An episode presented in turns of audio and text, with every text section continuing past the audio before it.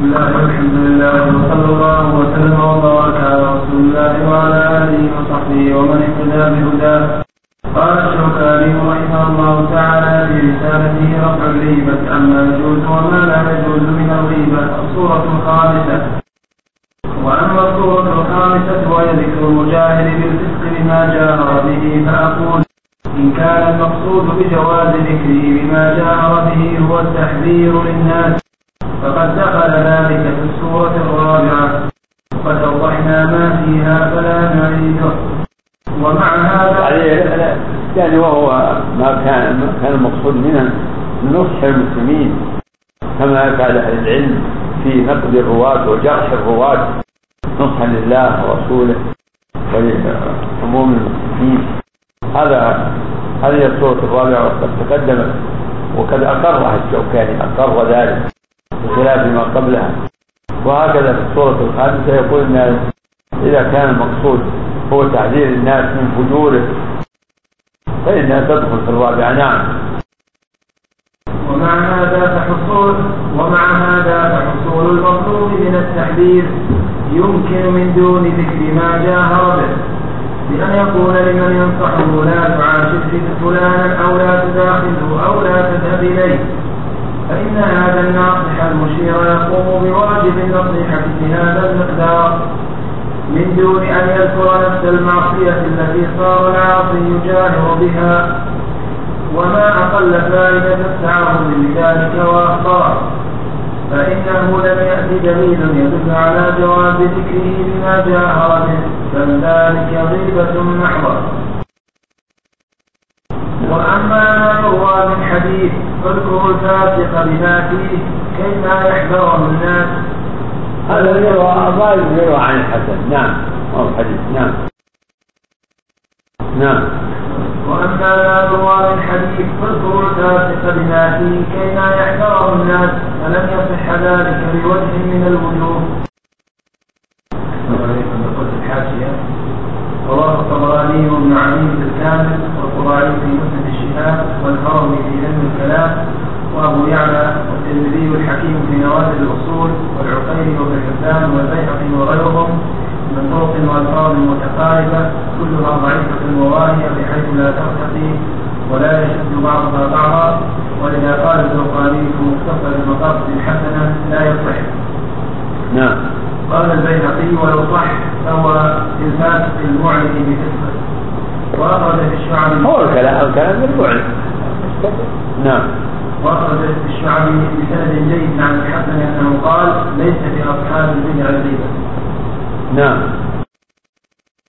قال وأما ما يروى من حديث اذكروا الفاسق بما فيه كيما يحترم الناس فلم يصح ذلك بوجه من الوجوه على أنه إنما يسمى مجاهرة مجاهرته بتلك المعصية والاستغفار بها بين الناس وإيقاعها علانية وعند ذلك يعلم الناس منه ذلك ويعرفونه بمشاهدة. فلا يبقى لذكره به كبير فائدة. لكن الناس ما شاهدوا. في ناس شاهدوا وناس ما شاهدوا.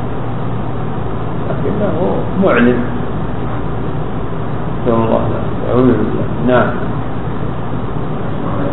وإن كان المقصود بجواز ذكره بما جاهر به استعانة الذاكر على الإنكار عليه لمن يذكر له ذلك الذنب فهذه الصورة داخلة في الصورة الثانية التي قدم النووي ذكرها وقدمنا الكلام عليها. فلا فائدة لجعلها صورة مستقلة. فإن استدل المستدل على جواز مثل هذا بما وقع منه صلى الله عليه وسلم من قوله بئس أخو العشيرة. فيقال له أولا إن هذا القول الواقع منه صلى الله عليه وسلم لا يجوز لنا الاقتداء به فيه. لأن الله سبحانه قد حرم علينا الغيبة في الكتاب العزيز. وحرمها رسول الله صلى الله عليه وسلم علينا بما تقدم ذكره من قوله الصحيح وبإجماع المسلمين. على تقدير أن هذا القول مما يصدق عليه الغيبة يكون وقوعه منه صلى الله عليه وآله وسلم في حكم المخصص له من ذلك العموم. لكن على هذه الصورة الإجمالية وبهذه الصفة الصادرة منه صلى الله عليه وآله وسلم. وأيضا النبي صلى الله عليه وآله وسلم يعلم ما لم نعلم ويأتيه الوحي بما لم يأتنا. ويبين الله له ما لم يبين لنا. فلا يجوز لنا أن نقتدي به في قول صدر منه على هذه الصفة. لجهلنا بالحقائق وعدم اطلاعنا على ما في باطن الأمر. ولهذا رد صلى الله عليه وسلم على من وصف رجلا في مقامه بأنه مؤمن فقال أو مسلم هو. ورد على آخرين لما وصفوا رجلا بالنفاق فقال أشهد أن لا إله إلا الله. وهذا كله ثابت في الصحيح. وأيضا كذلك الرجل الذي قال فيه صلى الله عليه وسلم مفتاح العشيرة لم يكن إذا قد صلح إسلامه بل هو من جملة من كان يتبع الإسلام ظاهرا مع اضطراب حاله وبقاء أثر الجاهلية عليه. وقد كان صلى الله عليه وسلم يتألف أمثال هذا ويعاملهم معاملة المسلمين الخالصين الإسلام. مع علمه وعلم أصحابه بما هم عليه. وكان يقول لمن يأتيه منهم هذا سيد بني فلان هذا سيد قومه هذا سيد الوبر ونحو ذلك. بل كان يتألفهم بالكثير من المال والنصيب الوافر من المغانم. ويكل خلق المؤمنين من المهاجرين والأنصار إلى إيمانهم ويقينهم. هذا معلوم ولا يشك فيه عارف ولا يخالف فيه مخالف. فلا يحل لأحدنا أن يعمد إلى من يعلم أنه صادق الإسلام صحيح النية فيه مؤمن بالله ورسوله وبملائكته وكتبه ورسله واليوم الآخر. فيغتابه بمعصية فعلها أو خطيئة جاهر بها مستدلا على ذلك بقوله صلى الله عليه وسلم بئس اخو العشيرة بما أوضحنا لك. وليس الخطر هاهنا بيسير ولا الخطر بقليل فإن الإقدام على الربة المحرمة بالكتاب والسنة والإجماع إذا لم يكن فيه برهان من الله سبحانه كان الوقوع فيه وقوعا فيما حرم الله ونهى عنه. والقول بجوازه بدون برهان من التقول على الله بما لم يقل وهو أشد من ذلك وأعرض وأخطر والهداية بيد الله عز وجل. وأما الصورة الثالثة. رحم الله الشيخ أول عظم أمر الغيبة وهي كما عظمها انه دل على تحريمها الكتاب والسنة والإجماع. خلاصة. يعني قول أنها لا تجوز إلا بالقدر الذي ترجح مصلحته على المبتدئ ولا ولا مندوحة عنه. أما ما أمكن الاستغناء عنه. بالإجمال والإلهام وما إلى ذلك. فإنه يقتصر على هذا هذا الأسلوب. حتى المجاهد في المعصية لا فائدة إذا كان ما هو بالمقصود الإنكار. بل تواليف كما يفعل الناس الآن تواليف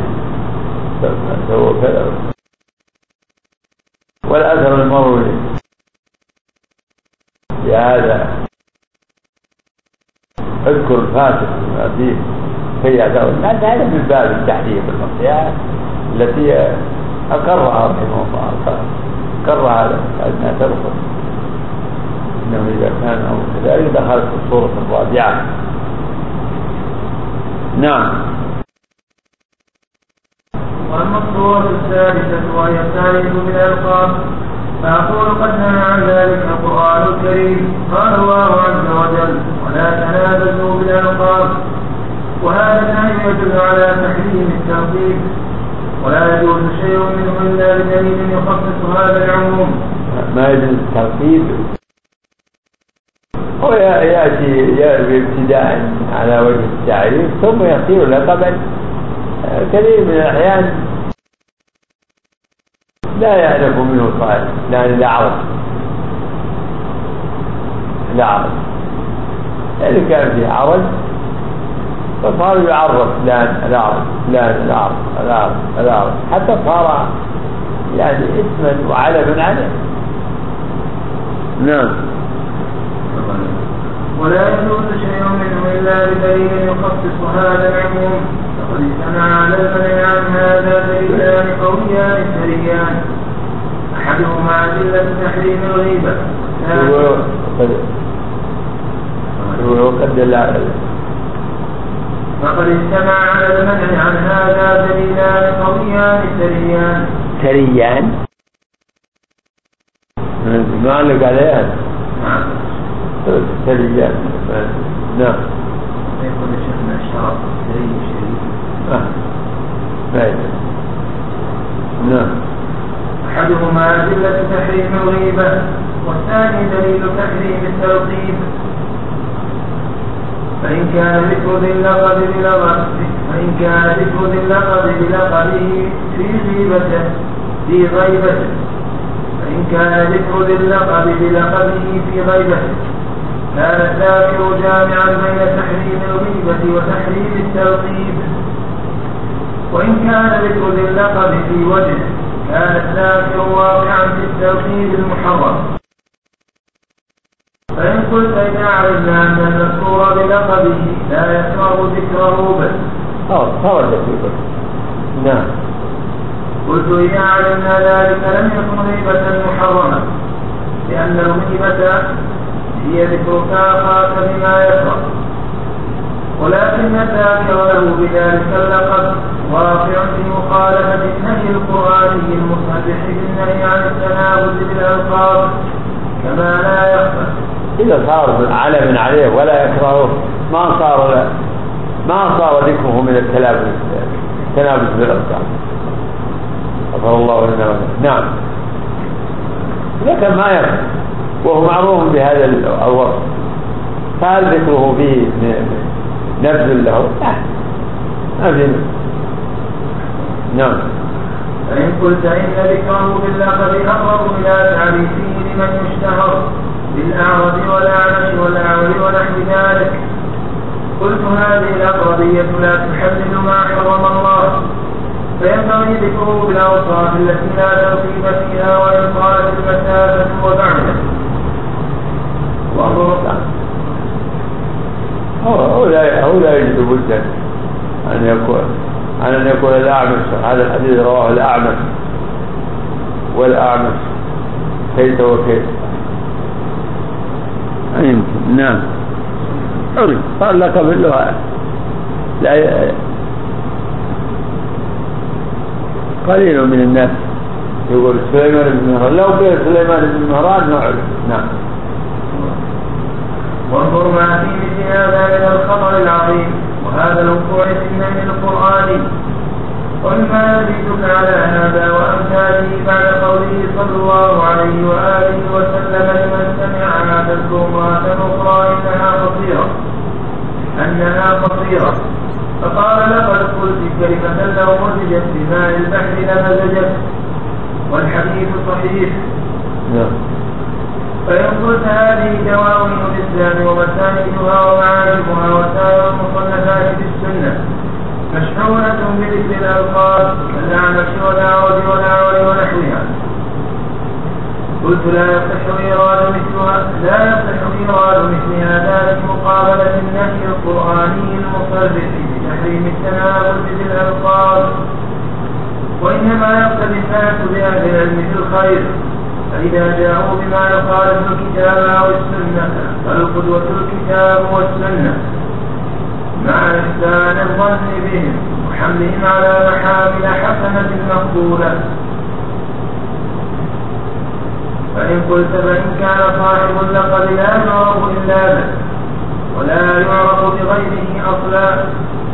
قلت إذا بلغ الأمر إلى هذه النهاية وصل البحث إلى هذه الغاية لم يكن ذلك اللقب لقبا بل هو الاسم الذي يعرف به صاحبه إذ لا يعرف باسم سواه قط والتسمية للإنسان باسم يعرف به لا سيما من كان من رواة العلم الحاملين المبلغين ما عندهم منه إلى الناس.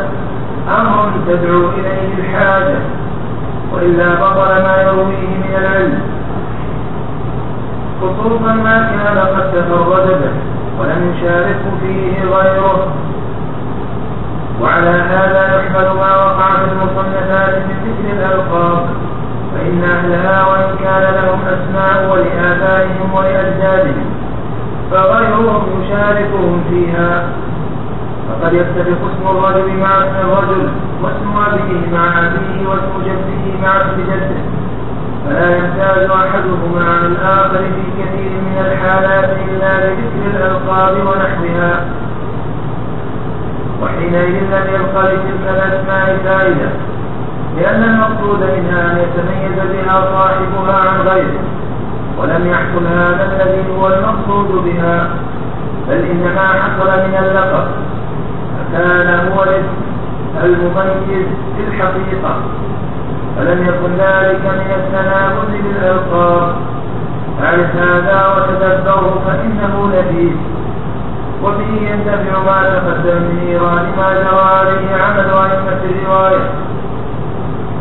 وهكذا يرتفع الإشكال عن القائل لتلك الكتب فلا يقال له إنه ينبذ بالألقاب ويرتاب أهلها بقراءتها في كتب السنة وفي هذا المقدار كفاية والله ولي التوفيق والحمد لله على ذلك انتهى درسه هو الشيخ رحمه على كل حال يجب على المسلم يحترس من الغيب عظيما ذنب عظيم و وهي يسيرة في تعرض لها يقع فيها الإنسان. تعرض لها كثير من الناس في كثير من الأحيان. على المسلم يحترس كثيرا كثيرا ينتبه مع الاسترسال في الكلام في التحدث هنا وهناك تأتي أمور أحيانا تأتي كما يقال عفوية أحيانا تأتي بسوء نية. يكون المتحدث يريد يريد الإساءة ويريد الجرح ويريد الطعن ويريد اللمس وأحيانا تأتي إلى من الكلام العابر والأحاديث العابرة. على أي حال أمرها كبير كما أقول كما طوره وشدد فيه رحمه الله. نعم يا مثل نعم.